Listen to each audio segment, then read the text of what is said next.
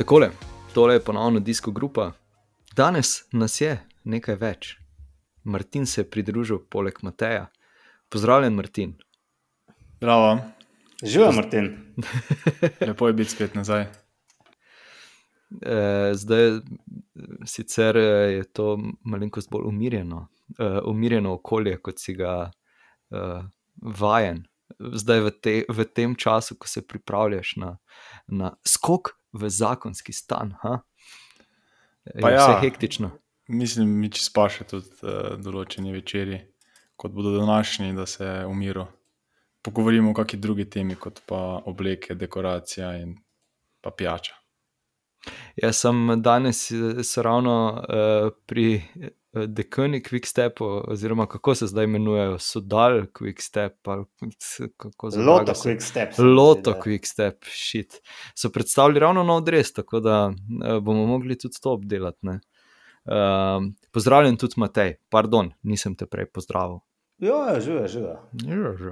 Um, kaj lahko rečemo? Prvi, prvi teden tura je za nami, ne? tisti pravi prvi teden. Ono so bile ogrevalne tri etape, ta pa zdaj že malenkost bolj razkriva. Um, Da Pah. sta Vaut van Ert in tedaj Pogačar najboljša kolesarja na svetu. Ne? ja, dejstvo bi, bi dejansko lahko temu tako rečemo, in da so vsi ostali, uh, predvsem uh, mogoče tisti, ki so upali na več etap, uh, kjer bo končal beg, malenkost razočarani, oziroma malenkost slabe volje, ker uh, je v primerjavi z lanskim turom vseeno letos dirka bolj, bolj zaprta, oziroma bolj napeta v smislu generalne razvrstitve. Uh, čeprav pač ja, na koncu uh, sta Tadej in pa Vaut pobrala večino smetane, če temu tako, re, lahko temu tako rečemo. Ja, mislim, da ste bili samo dve etapi, v katerih eden od njih ni bil v tri. ne. Um, Tako je. ja. pa še tam je najbrž Vaut van Ert, kakšne neumnosti počel in bil vse čas zelo opazen. Ja, no, na pla La Planche de Belfil tam ni bil v. Ja, no, Je bil pa tudi.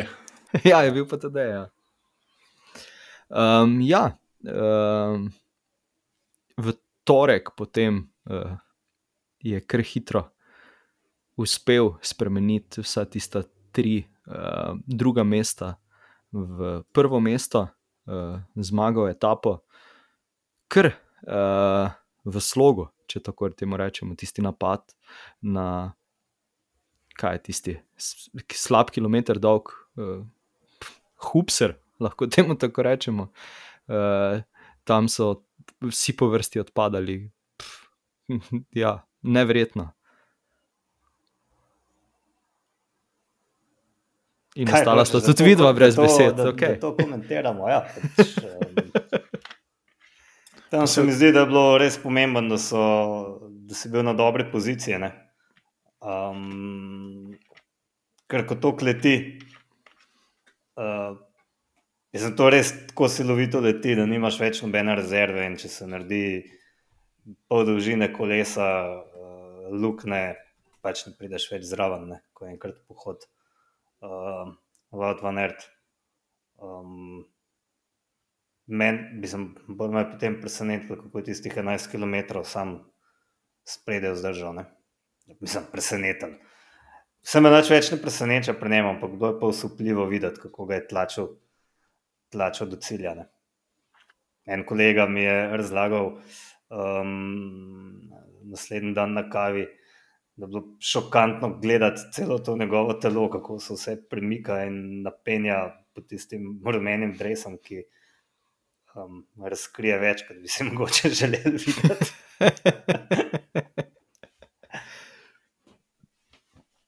Ja, letos, kaj sta se oba v bistvu odločila za, za te eh, aerosvite, ne?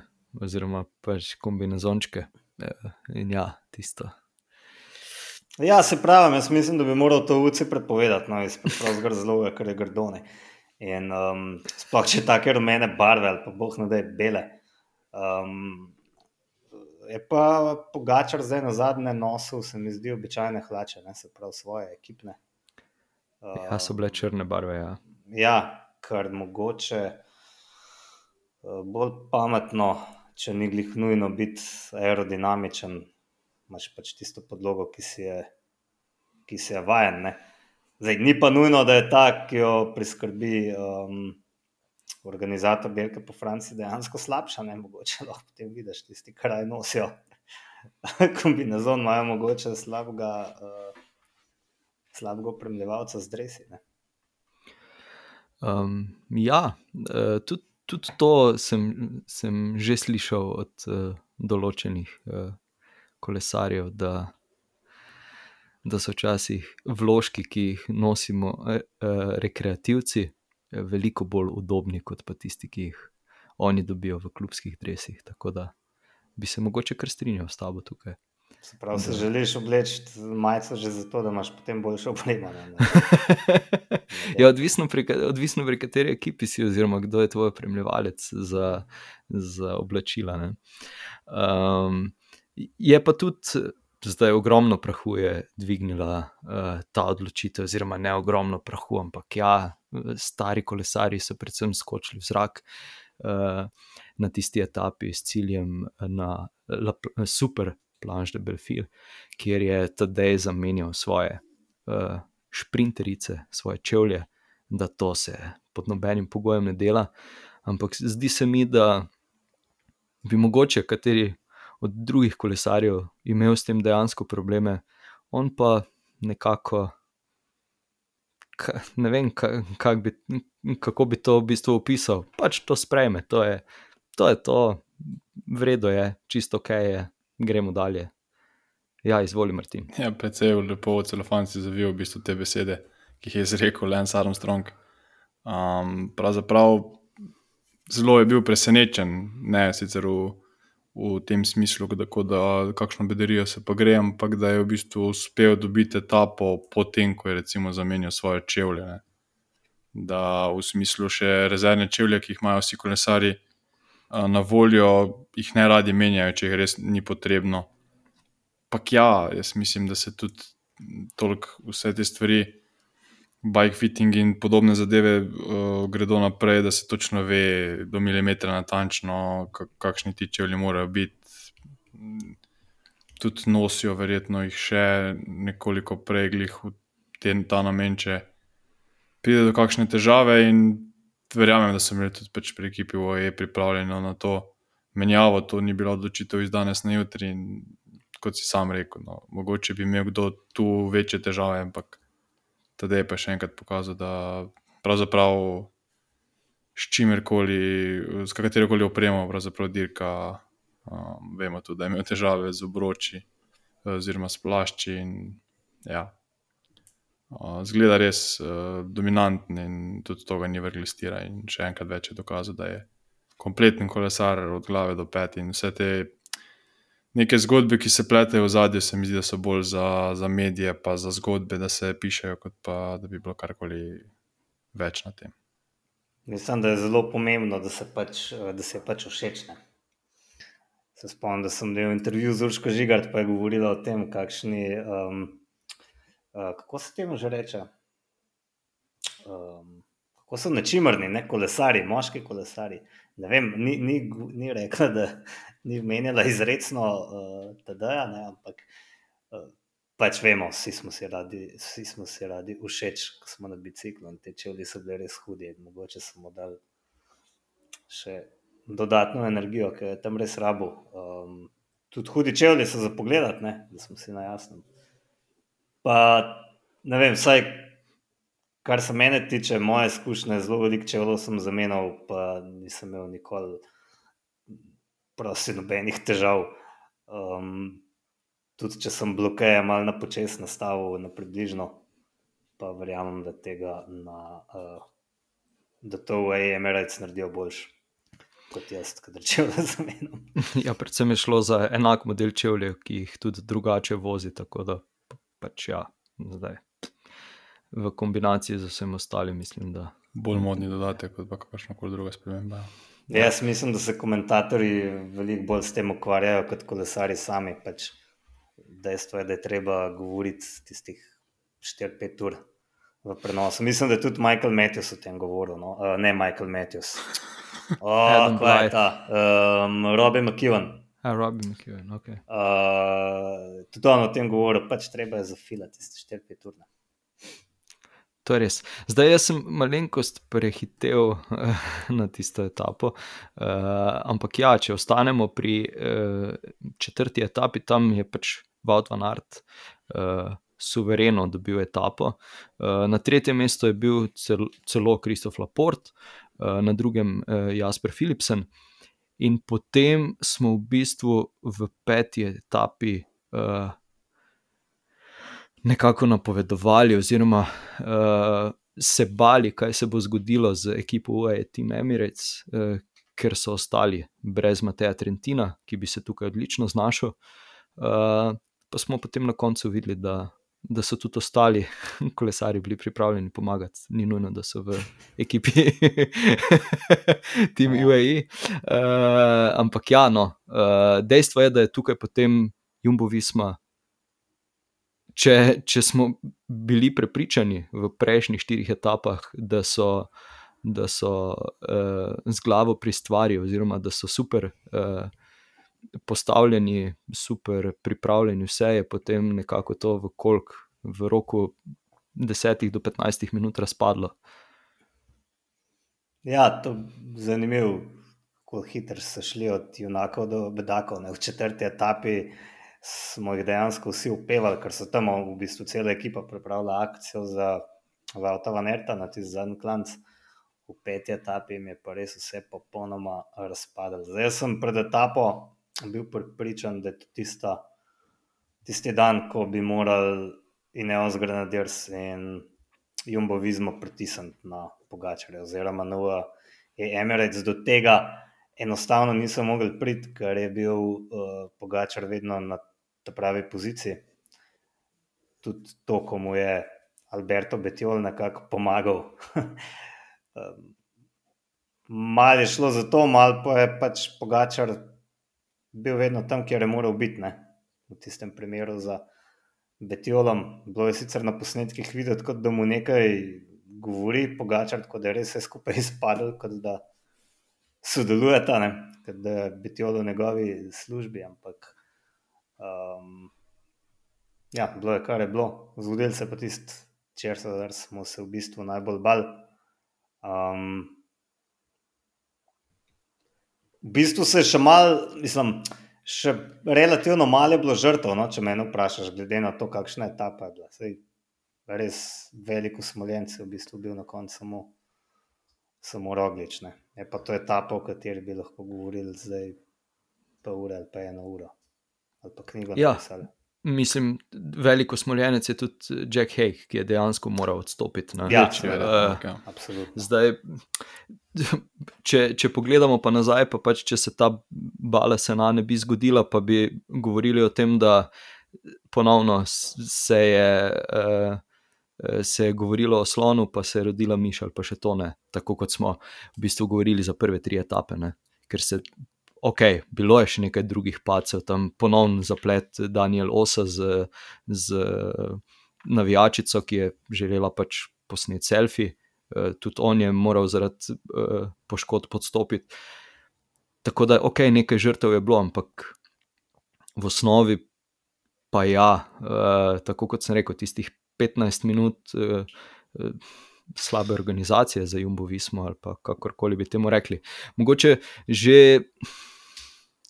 Ja, kar smo, kar smo se mi dva v bistvu prejšnji teden pogovarjali, uh, kako hitro uh, bodo mogoče to nezaupanje v Primoža pokazali pri Jumbo Vismi. Ne? Zaradi tega, ker pač v tistem trenutku je koliko, štirje kolesari so počakali Jonasa Vingegarda pri, pri tistem defektu ali trije, nekaj takega.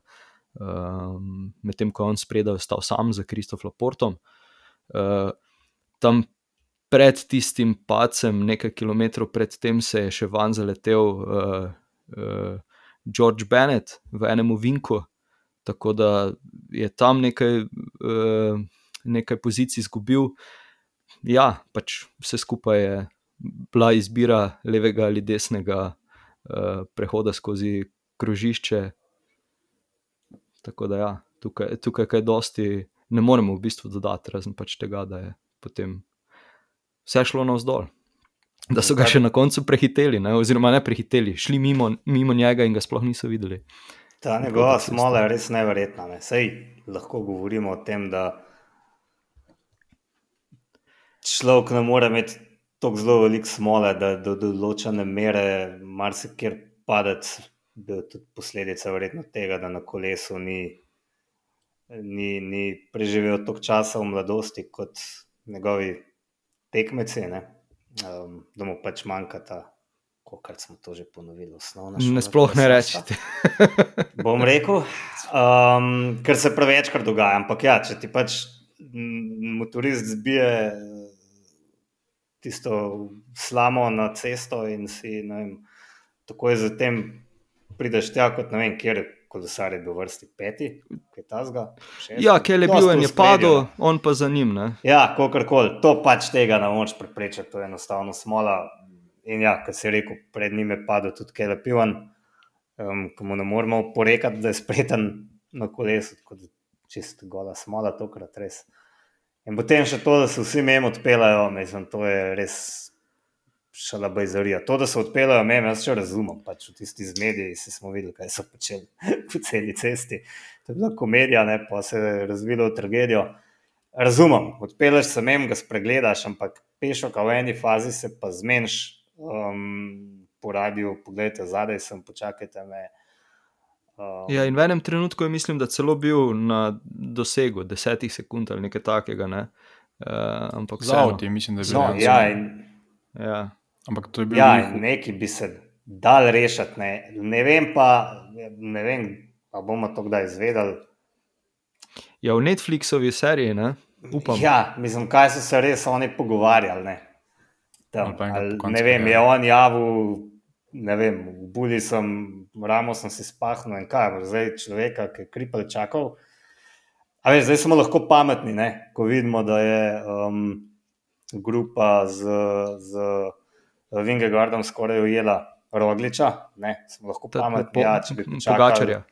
Pogačarja. Če bi čakali uh, Rogliča, bi ga pa skupaj ujeli in bi imeli zdaj pri vrhu dva. Ampak um, takrat nismo vedeli, kako se bodo stvari razpletale. Ne. Jaz sem bil v bistvu presenečen, da je tako blizu prišla ta grupa pogačarjev. Um, takrat se ni vedel, kaj bo. Lahko da bi pa ne, vem, ne bi ujel, pa da bi boh ne da je roglič drug dan stopil, ker se ne bi mogel pelati. Um, je pa po mojem dosta očitno, no, da mogoče malo res skrhano zaupanje v, v Rogliča. No.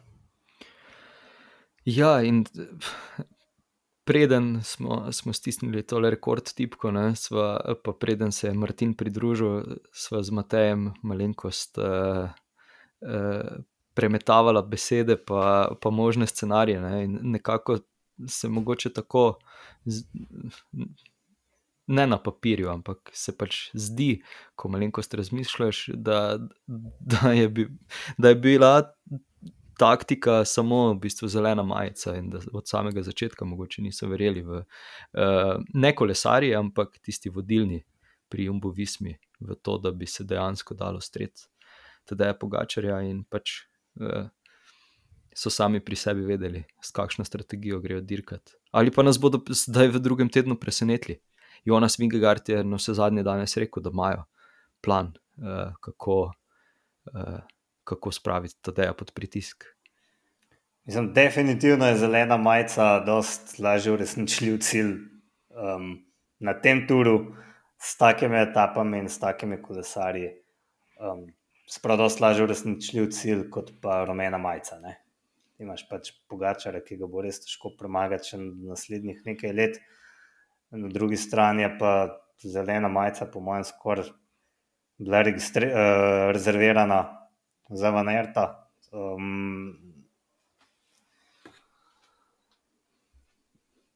in ja, no, še to, pač, če imaš ta zgo kolesarja v ekipi, mu ne moreš kar reči, da je še tretje leto zapored, boš pomočnik mogoče ti bomo, bomo pustili kakšno etapo ali pa dve zmagati.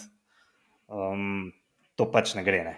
Mi tukaj malo gledamo skozi kot navijači na, na roglič, ampak na koncu mora ekipa nekaj pokazati, nekaj prenesne.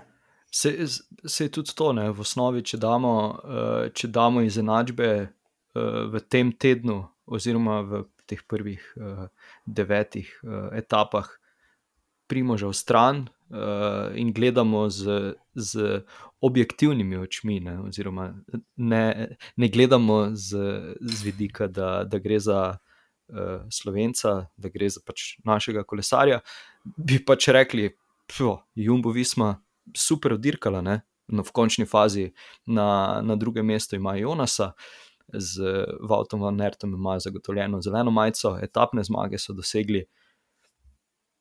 V bistvu, ok, še vedno so v določenih trenutkih izpadli malenkost klovnovsko, uh, če grdo rečem, no, uh, ker se jim pač tiste njihove taktike niso posrečile ali pa so bile uh, določenim kolesarskim uh, komentatorjem nerazumljive, uh, tudi na Eurošportu. Ampak ja, v osnovi pa pač odlično dirkajo. Vaut van Art je v končni fazi kar nekaj etap uh, spremenil v dejansko dirko. Ne? Ja, mislim, bil je zagotovo najbolj opazen kolesar. Pa, um, ne vem, mogoče, če bi pri Jumbo vizmi, ne vem, mogoče malo bolj pošteno povedali, da ja, pač derkali smo, kot smo derkali. Se mi zdi, da so to bolj neki izgovori, ja, pa niso radije delali, pa smo spregledali, pa ne vem kaj, pa delamo vsi za enega, eden za vse. Pač poveš, gledajte, delamo za Vanerta, delamo za Vingegarda, če padeš zaradi balesana in se valaš po tleh, medtem ko si ravnaš um, izpahnjeno ramo, kar je jim grede noro in vsa čas rogliču, potem te pač ne bomo čakali. ja. Potem mislim, da je govoril tudi Brajkovič um, tako dosta odprto, da pač rabiš v avtu. Um, Uh, ja, vodilne, ki sprejmejo odgovornost. Točno to, ja, in to pač točno to pomeni da pač sprejmemo odgovornost in naravno spovejo, da nismo ga pač čakali, ker smo se tako odločili, ker ravno zaradi tega smo šli z dvema kapetanoma na derko, da če en pogori v tej nesrečni etapi, da se ga pač ne čaka. Ne? Ja, veš, nikoli ne bomo vedeli, uh, kaj bi bilo, če bi se zgodilo obratno, če bi bil v položaju, kot je bil Vingegard Troglič in obratno. Ne, ja, videli smo, ker je Vingegard imel prej. Ne vemo. Ne. In Glej, Bog pomaga. Ja, so gotovo ena najbolj opaznih ekip in danes sem gledal um, seznam uh, zaslužkov po ekipah in Jumbo Vizma je zaslužila da, daleč največ in to po svoje je en pokazatelj, kera ekipa je uspešna. Ne? To pomeni, da pobirajo visoka mesta, da nosijo majice, da so pač opazni. Ne? Ni brez razloga Astana uh, zadnja z ne vem, par deset evrov. 500 ja. evrov. Ja. Uh, ker pač sploh ne vemo, da obstajajo, mislim, da še niso prišli v deset na tem, na tem turu. Ne. Tako da, ja, brez dvoma so mogoče celo najmočnejša ekipa, kaj s tem. Pa tam nekje v Boku in Neosu in UAE pa zihrne. Ja, um, tako kot si rekel že prej, zdaj bi lahko eno uro razpredali samo o tej peti etapi. Pa raje ne bomo, ampak bom jaz sem še to navrgel, da zmagal pa je Simon Clark, eh, kar je tudi ponovno ena lepa zgodba eh, Tura. Eh, na začetku sezone še ni imel niti pogodbe, eh, potem so ga sprejeli v Izrael, Izrael eh, Premier Tech in eh, to je šele njegova druga zmaga eh, na World Tour nivoju, če sem prav prebral. Uh, ja, tako na, ne, pa ne, ne, ne. Um, dve je zmagal okay. že na Vuelti. Okay. Prvo daljnega leta 2012, ne, on je že kar možakar, kar v letih, tako kot v bistvu vsi pri Izrael Femer tekel. Um, ja, pač 35-letnik in ja, no, mislim, človek mu res privošči, kljub temu, da je premagal taka Vanderhorna, ki se je najbrž to etapo tudi označil že pred začetkom sezone, pa je potem pač mečkan zmanjkal. Jaz sem povem, da če bi tako zmagal, bi danes tukaj s cigaro sedel. Ne? pa so brali tam. Ja.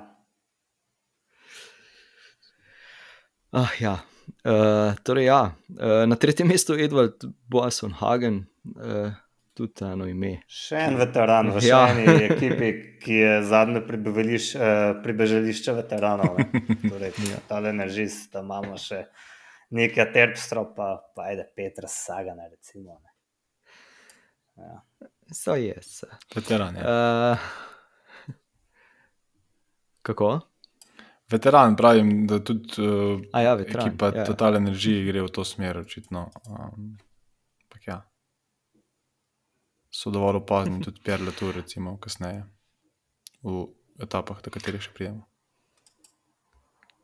Uh, ja, v šesti etapi uh, od Binča do Longvija, najdaljši etapi, za, to je v bistvu ta etapa, za katero smo mislili, da bo pa morda Matej Mohorič uh,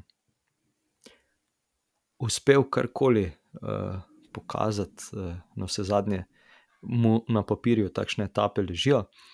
Uh, zmagal pa je vseeno slovenec, uh, tedaj Pogačar prišprintal Michael Matthewsa, Davida Goduja. Um, tam je v bistvu mogoče tudi malenkost presenetil uh, Primož, uh, ki je v bistvu začel s sprintom, ampak se je tudi potem kar hitro videlo, da, da se vseeno poznajo posledice paca. Ampak vseeno je mogoče nekako uh, malenkost vse skupaj, eh, vse, vse ljudi, ki niso vedeli, kaj se je točno zgodilo, pomiril, da pa vseeno ni uh, tako hudo. Ja, kar je meni v bistvu zanimivo, je pravno to, da pravzaprav Primoža prej ni bilo nikjer v spredju, oziroma je bil zelo precej v zadju, in potem, kar naenkrat ga vidimo v samem zaključku spredaj, na koncu celo v neki vrsti lead-out ali poskus napada temu. Naj reče, kdo kakor hoče. Definitivno je bil to tisti moment, ko smo vsi rekli, da je mogoče pa ni to vse ne tako hudo, čeprav ta etapa je daleč od tega, da bi bila tista, ki bi res lahko pokazala, v kakšnem uh, stanju je. Potem pa ja, tedej je šel takoj za njim. Spet pa lahko govorimo o tem, da je bil Michael Matthews drugi pri sprintu, kaj tedej pogača, kar verjetno za sprinterja njegovega kova ni glih najbolj uh, spodbuden podatek, ne glede na to, kako dobro prijatelja sta. Ja, zdaj, če smo prej opevali um, Jumbovizmo, je bila to še ena etapa, kjer se lahko resno vprašamo o taktiki. Da pošlješ v etapi, kjer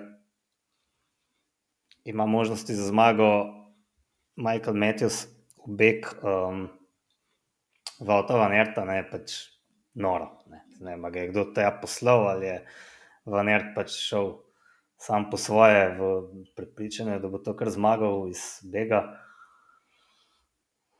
Ne vem, mislim.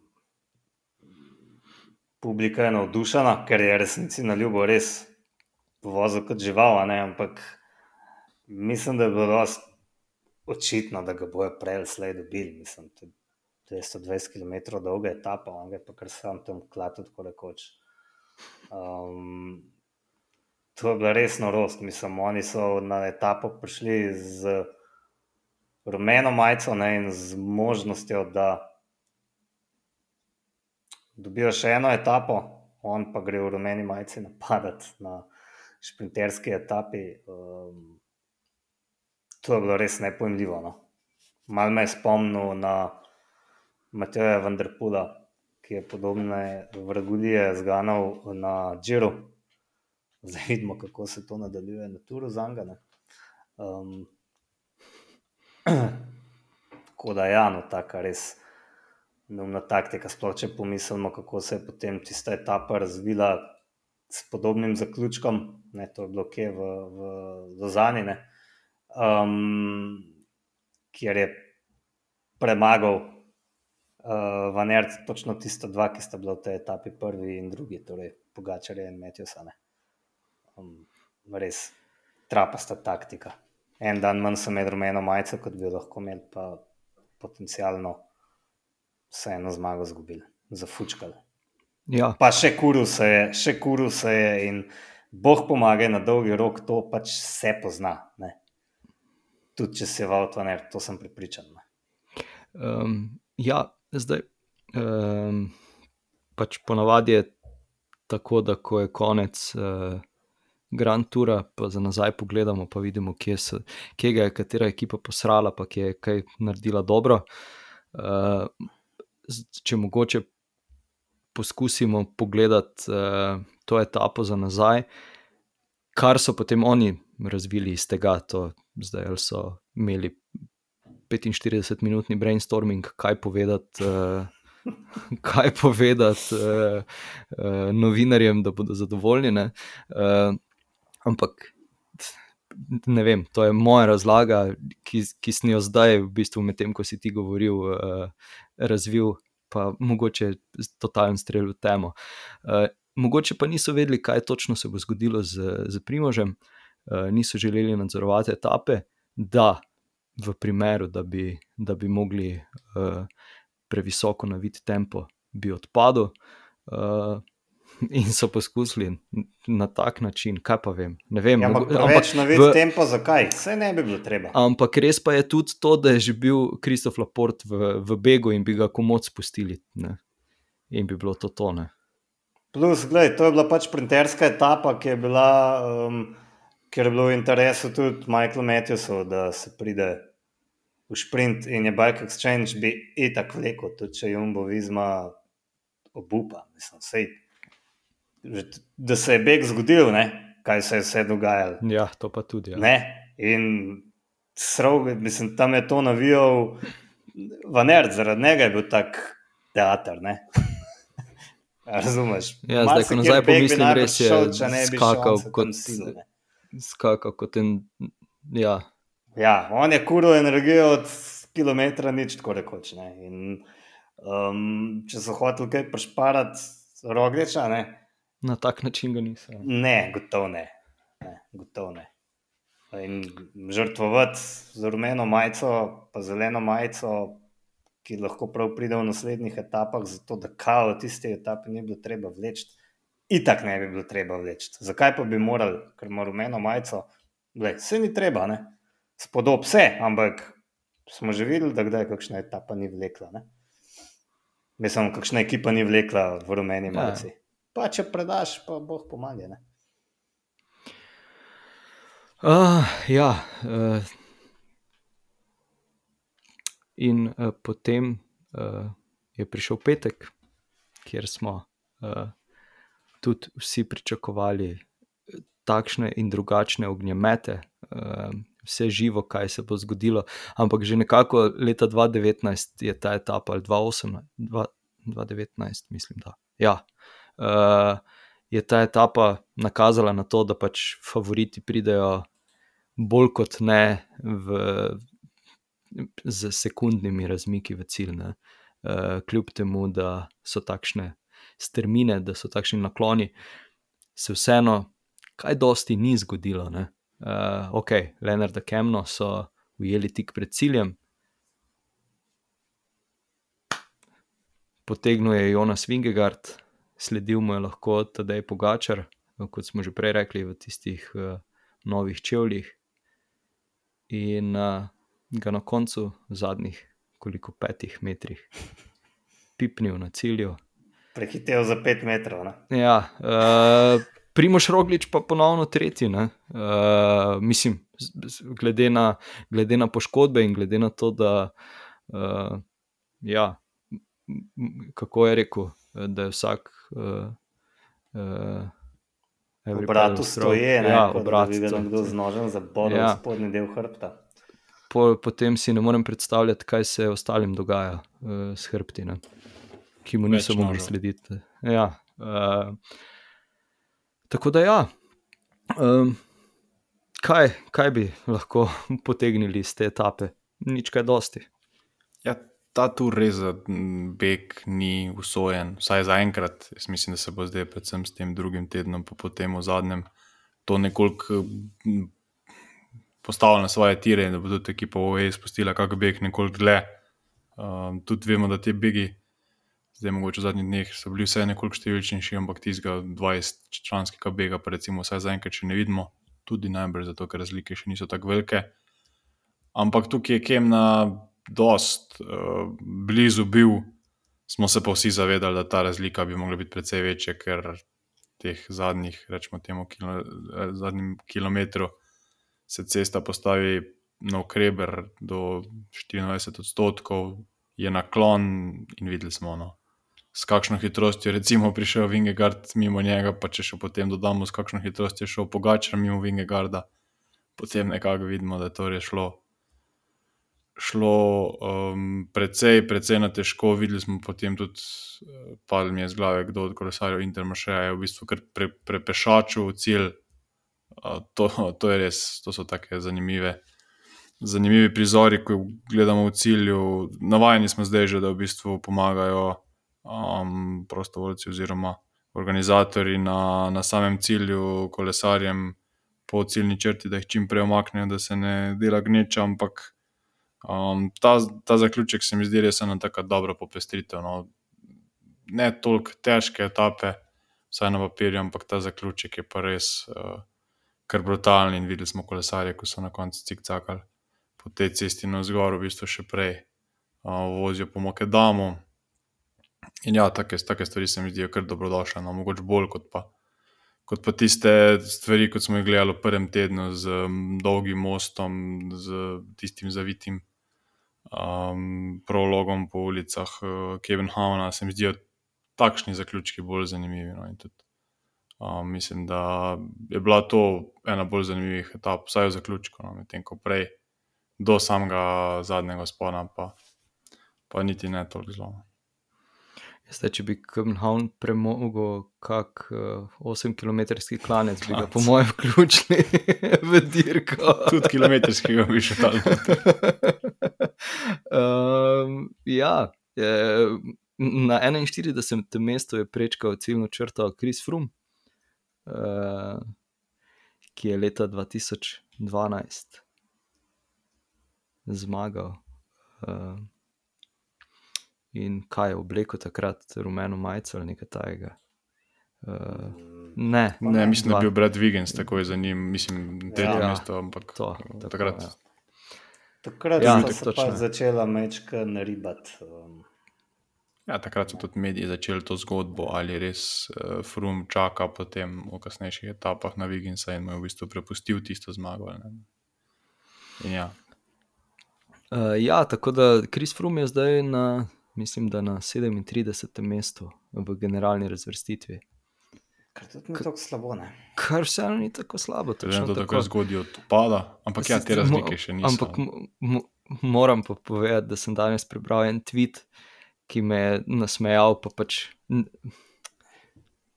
Da ne bo kdo mislil, da si karkoli takega želim, ampak vseeno je bilo zelo zabavno prebrati, ko mu je en, en spodin komentiral samo 36 pozitivnih COVID testov, pa si na prvem mestu. ne. Ojo, ojo. Ja. In, kaj, in zdaj, če, če, če grem kar na današnji dan, oziroma včerajšnji večer, uh, naredili so vsi teste, uh, torej te hitre teste, ni bilo, ni bilo, in vsi so jih opravili, no? uh, vsi so bili negativni, uh, kar se pač zdaj sliši kontradiktorno, ampak ja, uh, lahko nadaljujejo, kljub temu, da je nekaj kolesarjev vseeno odšlo že domov. Ravno zaradi pozitivnega COVID testa, ni pa šel domov Bob Jungels, ki je lahko nadaljeval z dirko, oziroma je lahko štartal in si včeraj privozil etapno zmago. Do tam še pridemo, zaradi tega, ker je še vmes bila osma etapa. A lahko še pri sedmi malo stanemo. Ne, ne smemo. Ja, seveda lahko, izvolite. Lahko. Ja, ja. Hvala, hvala. Um, ne, mene je tukaj presenetilo, kako uh, brutalno veliko so vložili pri UAE Emirates v to etapo. Um, zato da je pač realno Pogačar pridobil 4 sekunde prednosti pred Vingegardom, kar realno ni nič. Um, ampak ja, potem poznaj smo zvedeli, zakaj se je Pogačar to želel zmagati. Um, Zagnal je takrat to dobrodelno fundacijo za raziskave um, glede raka, zaradi tega je nosil tiste čevlje in tako naprej. Malo je bilo mogoče tukaj tudi nečimrnosti, spet ne lahko rečemo v tem smislu, da je zdaj on tisti, ki je na Le Planche de Belfi še vedno nepremagan. Ne? Um, tukaj se je lahko kdo vprašal, ali je smiselno v tej fazi že tako kurt ekipa, ker se bomo zdaj seveda sprašvali do konca turane.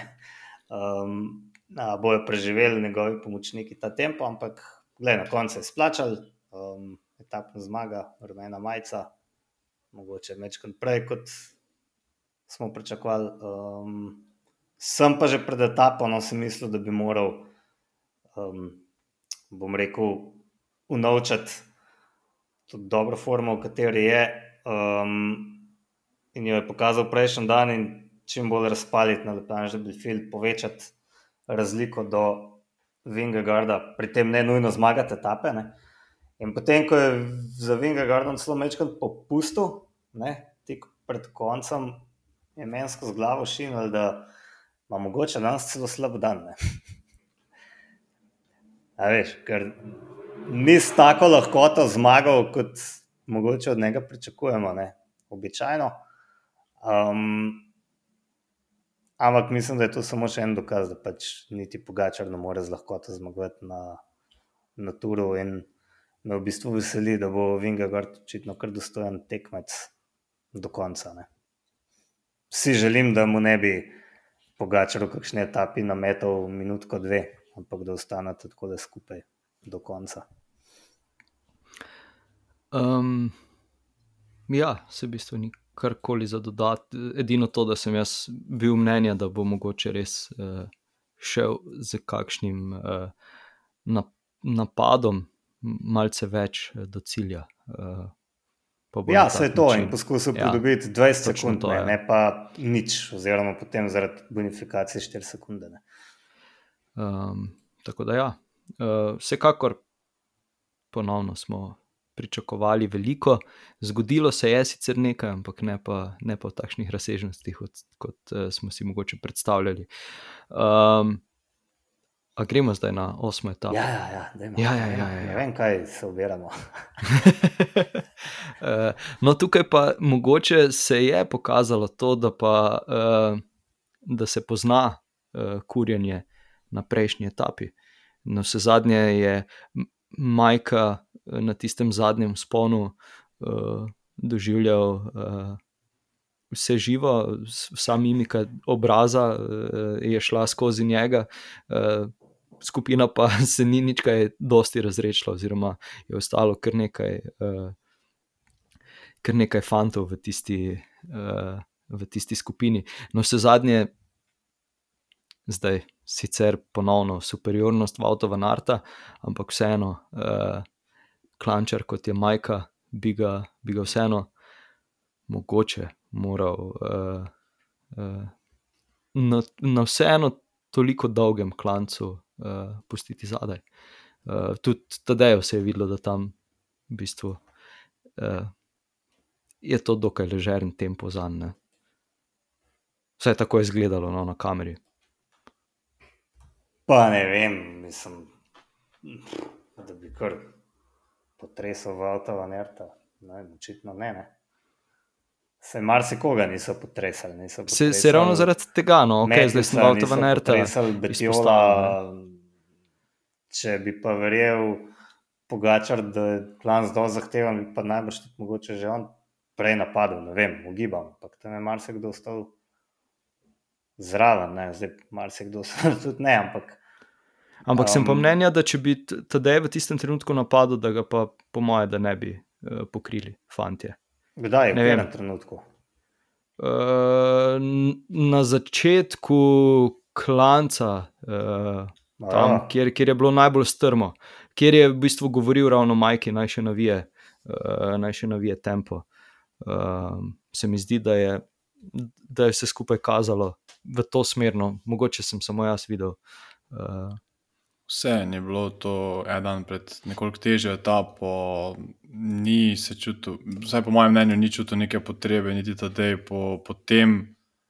To ni bila etapa, kjer bi želel delati, ker moramo nekaj vedeti. Mislim, ena stvar je, da uh, si želi, vid, vidno je, da si želi zmage na, na vsaki etapi, ampak najverjetneje se zaveda, da je tur še dolg in da za vsako ceno tudi ni te potrebe, uh, naj imajo ti hitri fanti tudi kakšno zmago, on pa se naj pač pelje v prvi skupini in dela razliko na daljših, težjih, daljših klancih oziroma težjih etapah.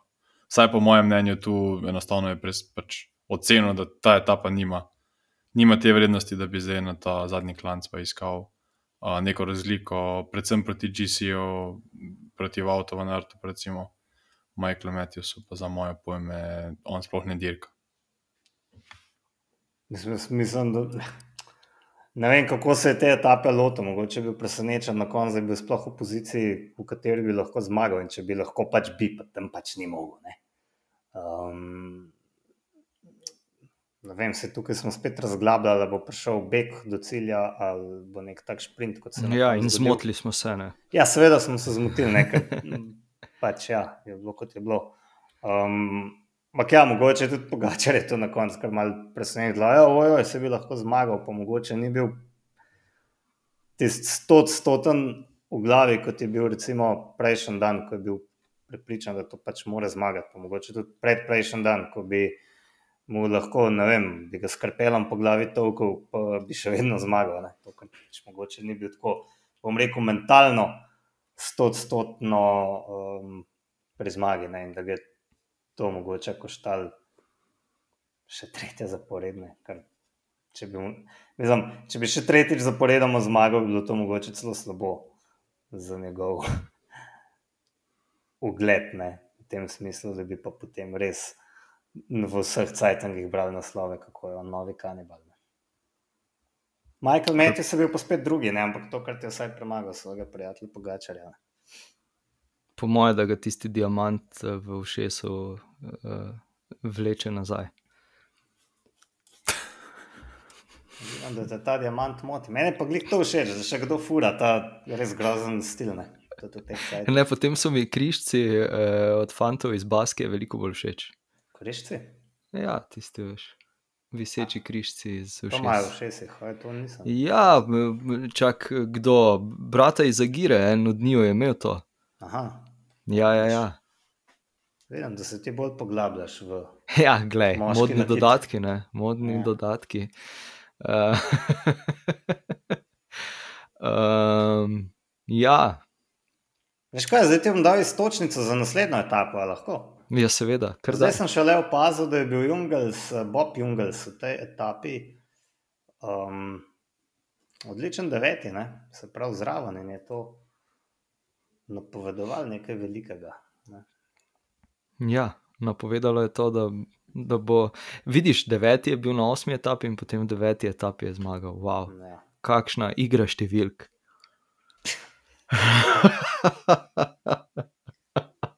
To je bolj za podcast številke. Ne?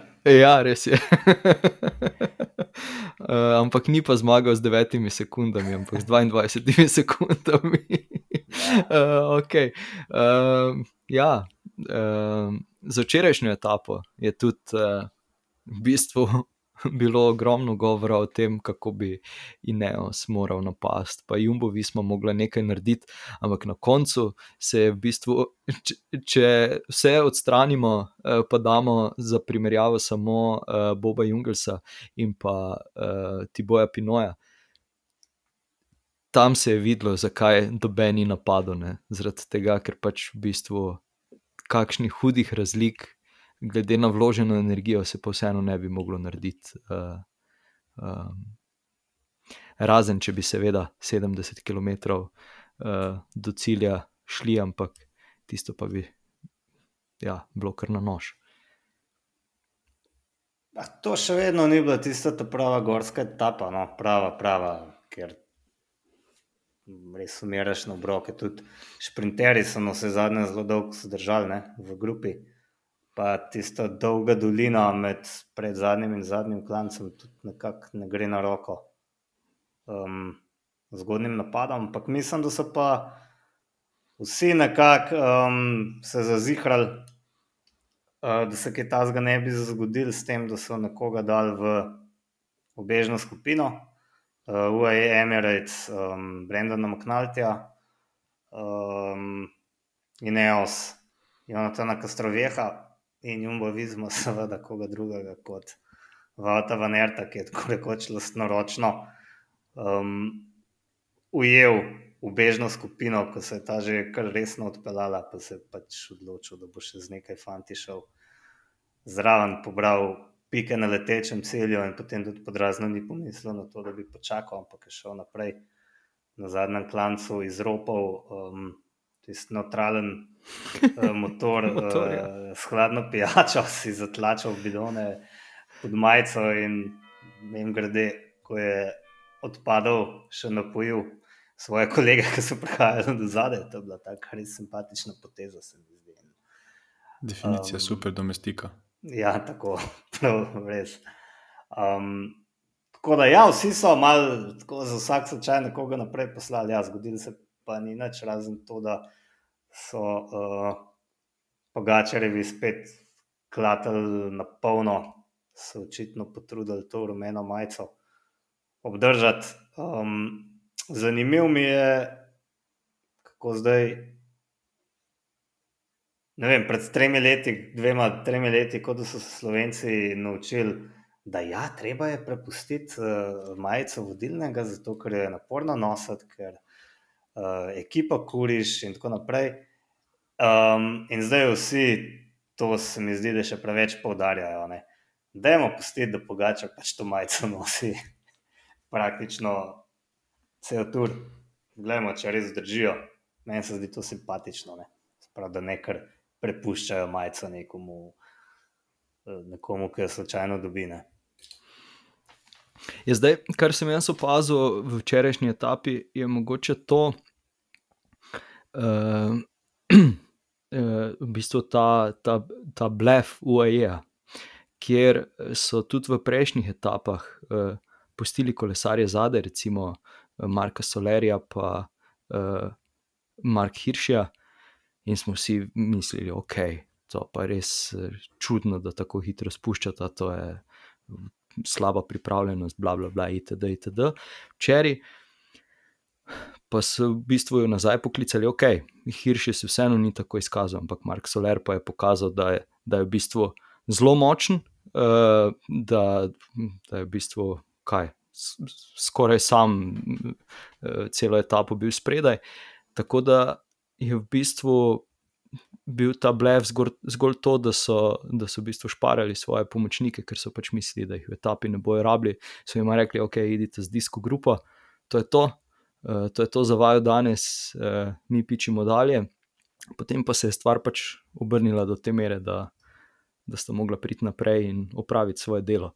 Uh, v prejšnjih etapah mislim, da je tudi George Bennett uh, podobno, uh, podobno moral narediti. Tako da, ja, uh, me zanima, kako, kako bodo v bistvu druge ekipe zdaj na to gledali, oziroma če so že to pokapirali, ali pa, ali pa kako se bodo na to odzvali.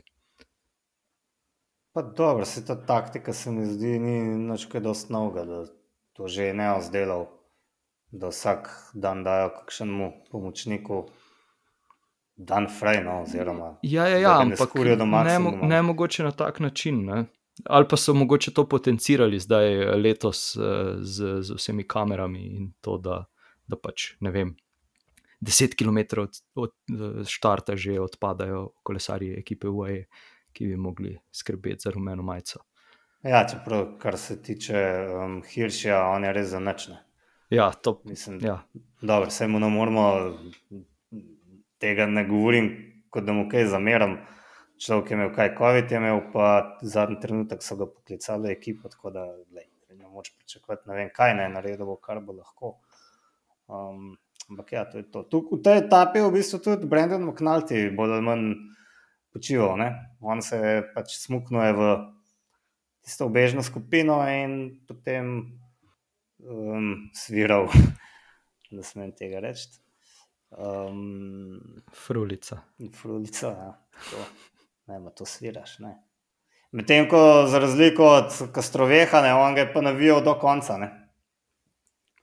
Če smo že pri tem, ne, da Ja. ja. Mineos pa ne kuri. In to navijo ga je kljub temu, da je bilo že popolnoma jasno, da, da nima šans za zmago, ampak ja, lej, saj tudi ne moreš kaj, kar, če se boriš za drugo mesto, kar popustiti, pa reči. Ne. ne bom se šel več naprej, šel je pač do konca. Ne. Uh, ja, zdaj treba še omeniti, da je uh, Lengen iz ekipe UAE ravno tisti, ki je moral zapustiti tur zaradi uh, COVID-a. ne. Tako da so v bistvu ostali uh, z enim kolesarjem manj. Kar smo tudi, uh, oziroma tudi danes, je mislim, da Brendan McNulty izjavil, da vseeno so, so bili zelo, zelo slabe volje, uh, ker vseeno uh, se je odlično izkazal na prejšnjih etapah. No, vse zadnje je tudi, tudi on uh, opravil en pff, ogromen del. On je v tej ekipi nek, nekaj tazga, kot je bil ne vem, Tony Martin, Tony Martin. Bovizmi ali tako naprej. Njega pač daš na začetku, da tlač po ravnini in potem mogoče na prvi plan zelo lahko. Um, mislim, ja, to zihar ni idealno, ampak glej, sej tudi v kakšni drugi etapi bo pa še kdo odpadel, verjetno zaradi takih ali pa drugačnih razlogov. Ne vem, redke ekipe pridejo z vsemi do konca. In, ne vem, spet to pretirano potencirati. Ne, vem. Ja, ne pravim nekaj, pa, da to ni težava, ne, seveda je, jasno. je nekaj, kar pa lahko potenciramo, oziroma je pač včeraj sam potenciral svoj zaostanek, Daniel Felipe Martinez, ki je zaostal 16 minut. Ja, se ne vem, kaj je bilo. Je bil to za noč ali pač, ko je videl, da ne bo šlo se sprijaznil s tem in bo do konca um, igral vlogo domestika in pač z nekim namenom spustil. Ko je videl, Ja. da ne more biti z najboljšimi, pač, ne vem, lej, ne vem. Ja, mislim, dejstvo je, da smo že tukaj govorili o tem, da pač ga vidimo na turu kot nekega izzivalca. Uh, Primožu in Tadeju in vsem ostalim. Uh, zdaj iz ekipe Ineos, ki smo jo bolj malo uh, danes omenjali, je najbližje um, Geren Thomas z uh, minuto in Slabo minuto in pol. Mislim. Ja, minuto, Minuto 17. 17. 17 ja, minuto 17 zaostanka ima in pa potem že kar takoj za njim Adam Yates z minuto in 25. Um, tako da, ja, vseeno, Ineos ostaja v igri, ampak realno, mogoče ne vidim ne Gerenta Tomasa, ne Adama Jejca kot nekoga, ki bi uspela resno spraviti pod pritisk Tadeja Pogačarja. Ja, ne vem, meni men mogoče skrbi ravno to, da jaz ni bil kaj dosti opazen. Se pravi, ta teden so z relativno malo zaostanka, dobro je pač več kot minuto, skoraj minuta pa pol, ampak tako preživeli so ga čisto dobno in bo najbrž zdaj v naslednjih dveh tednih napadali. Um, mislim pa, da nam je vsem jasno, da je pač Pogačar ima trenutno eno predstavo več in da ga bo res težko premagati. Tudi z nekimi taktičnimi igricami, ki jih zdaj vse omenjajo. Mislim, kolesarstvo je taktičen šport, ampak na koncu moš imeti pa najboljše noge. Ne? In tukaj je jasno, kdo jih ima ne, trenutno. Uh, ja, Mal se neko- bojim, no, prosti, da se bo Ja. vse spet nadaljevalo kot neko upanje na to, da bo imel Pogačar slab dan, namesto da bi ga napadali na vse ali nič, če tudi za ceno vem, drugega ali pa tretjega mesta, generalno, ki boh pomaga, predvsem malo pomembne kolesarstvu. Uh, ja, zdaj želel sem še izpostaviti tudi Aleksandra Vlasova, ki je imel tudi kar nekaj smole uh, na tem turu. Um, nabral si je 3 minute in 12 za ostanka. E, tako da v osnovi Bora ni slabo dirkala, e, tudi, oni so, tudi oni so se zelo dobro postavljali. E, ampak ja, definitivno e, bomo videli, kaj bo, kaj bo v tem tednu. E, jutri je eno ogrevanje do meživa, Meže, mežev, megev, kako se pravilno izgovori, kako si ga vedi. Uh, do, tega, do tega letališča v gorah. Um, eno ogrevanje, potem v sredo, ha, v sredo pa že gre. Uh, pa pogreti, ja. potem pa bo, ja, zdaj. Hm, tako kot sem rekel že v prejšnji epizodi, ne, jaz sem startal tam v St. Michel de Moren, uh, na prvo na Koldo Telegraf, pa potem na uh, Koldo Gal Galibije.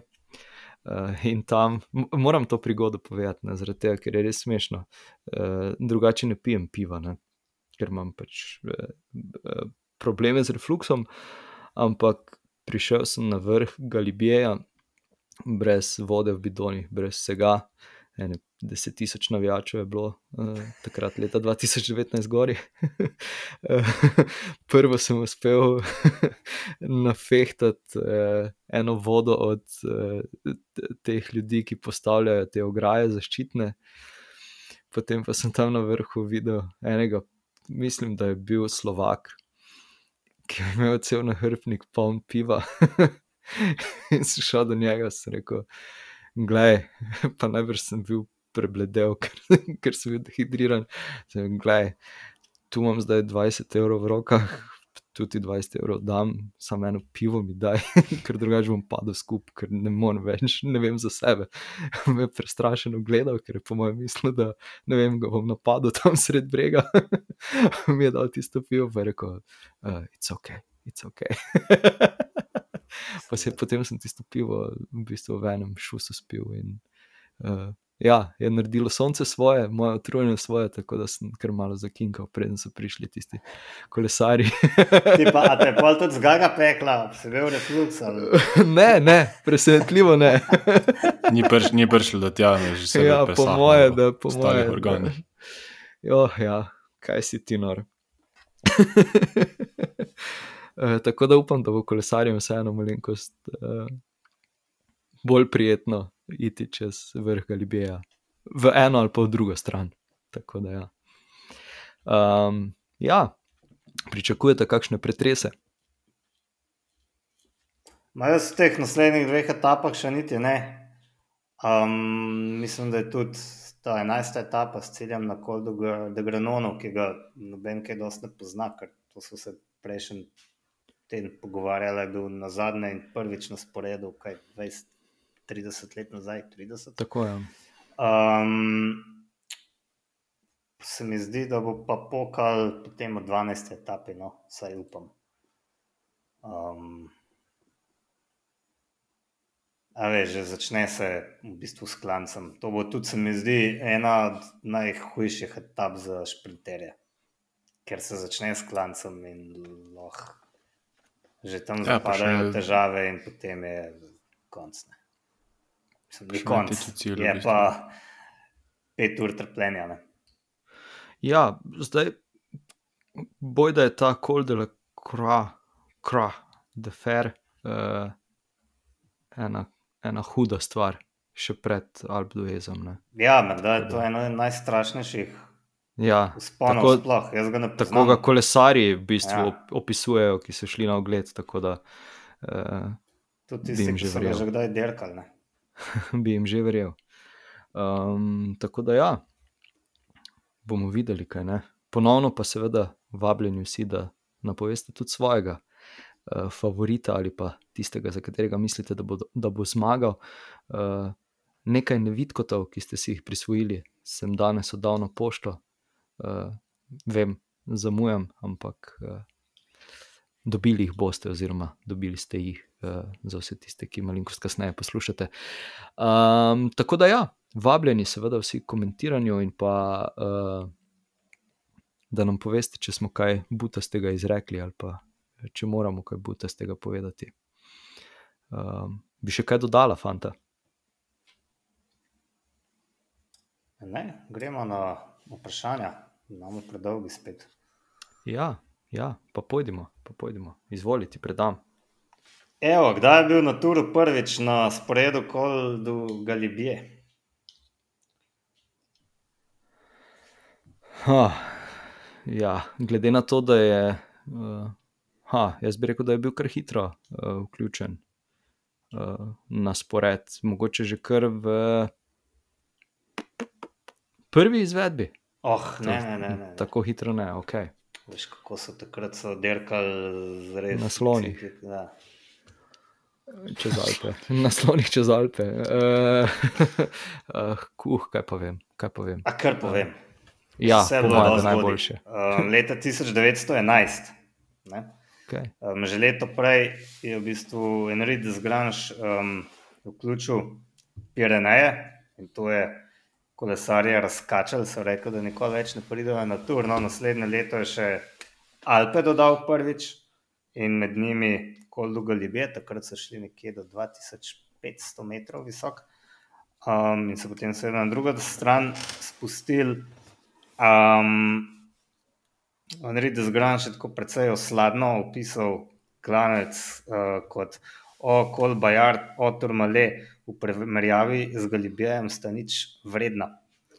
Um, zmagal je pa, mislim, prvi, ne, ne zmagal, ker očitno ni bil na vrhu cilj, prvi je čez prišel Emil Žorže, na koncu je bil, na koncu ture je bil tretji in on je bil poleg Pola uh, Duboka in Gustava Garigoja, ki je bil na koncu tega tura prvi, uh, edini, ki ni stopil dol s kolesa, se pravi, so cel klan spregonili s tistimi smešni, težkimi bicikli. Um, mogoče še ena zanimivost z tega tura.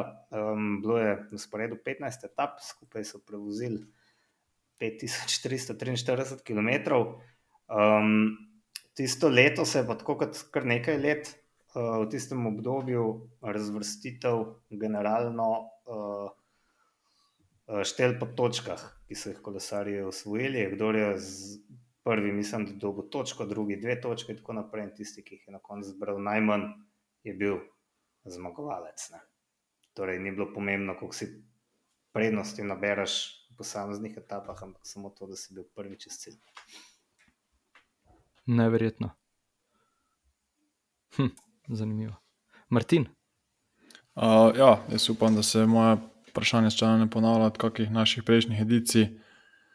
Uh, ali pa da je že bilo, se pravi, uh, govorimo o pikčasti majici. Kdo od kolesarjev je največkrat usvojil, pa kolikrat? Verenk, Ja, kolikrat pa?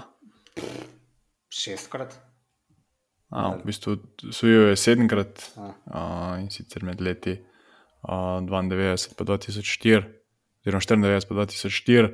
Um, sedemkrat na drugem mestu, pa že potem Bahamontes je, in pa Van Impe, ki ste jo usvojili šestkrat. Tako da, če hočete zdaj ujeti, ima še kar nekaj podobno kot rumenih majic, ima tudi kar nekaj pikčastih majic še za dobiti. Aha, zanimivo. Zdaj, um, sicer najbrž na stravi uh, je ta številka manjša, bi rekel, ampak vseeno.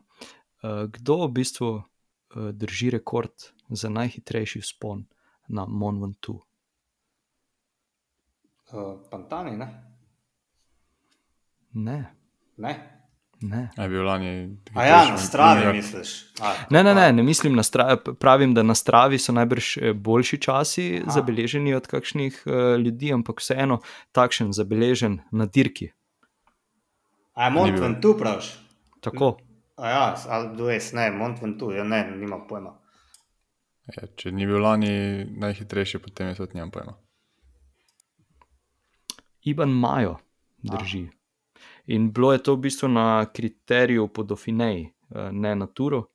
eh, In Bojda je v 55 minutah in 51 sekundah eh, prišel do vrha. Zdaj pa ti si omenil nekaj v lanskem letu, to pa zdaj, očitno ni, zav, ni zavedeno, če bi v tem primeru bil Ne, ne, hitrejši, verjetno hitrejši spon. Tako da ja. Ja, ne, ni bil zaključen v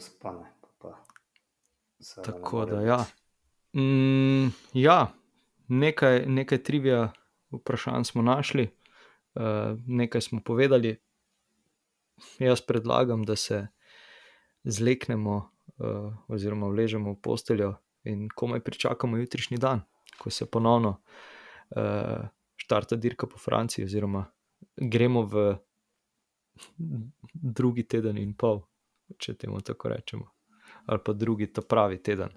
Um, Leto se ful buta, da so te odločilne gorske etape med tednom, ne, ko normalni ljudje delajo. A ni tako malo. malo. a, zdaj si še enkrat dokazal, da si nenormalen, ne hecam se. Še nikoli nisem delal. Tako da nisi bil nikoli normalen. Mislim, ja in ne, no, tako bom rekel, ne, ne motijo me tako zelo, uh, da, bi, da bi se posebej sekiral. Kaj pa vem. Ne pogrešam, da bi mogle biti te etape med vikendom. Vidva pogrešata. Ja, meni se zdi, da je on vikend tako malo bolj simpatičen, če imaš tisto peturno etapo, ki potem tako prespiš, bolj ali manj umeru to prespiš, pa pogledaš zaključek. A ni tako. Taka, to prava nedelja. Ne? Kot takrat, včasih, ko smo še gledali Formulo 1. Pa. Ali pa klasike od kilometra nič, ne, Tako. zdaj, ko so na voljo. Ja. uh, Milano San Remo. No, tega pa še nikoli nisem gledal. To, to pa za naslednje leto moramo uh, organizirati skupni ogled, ne? pa da se družimo 8 ur.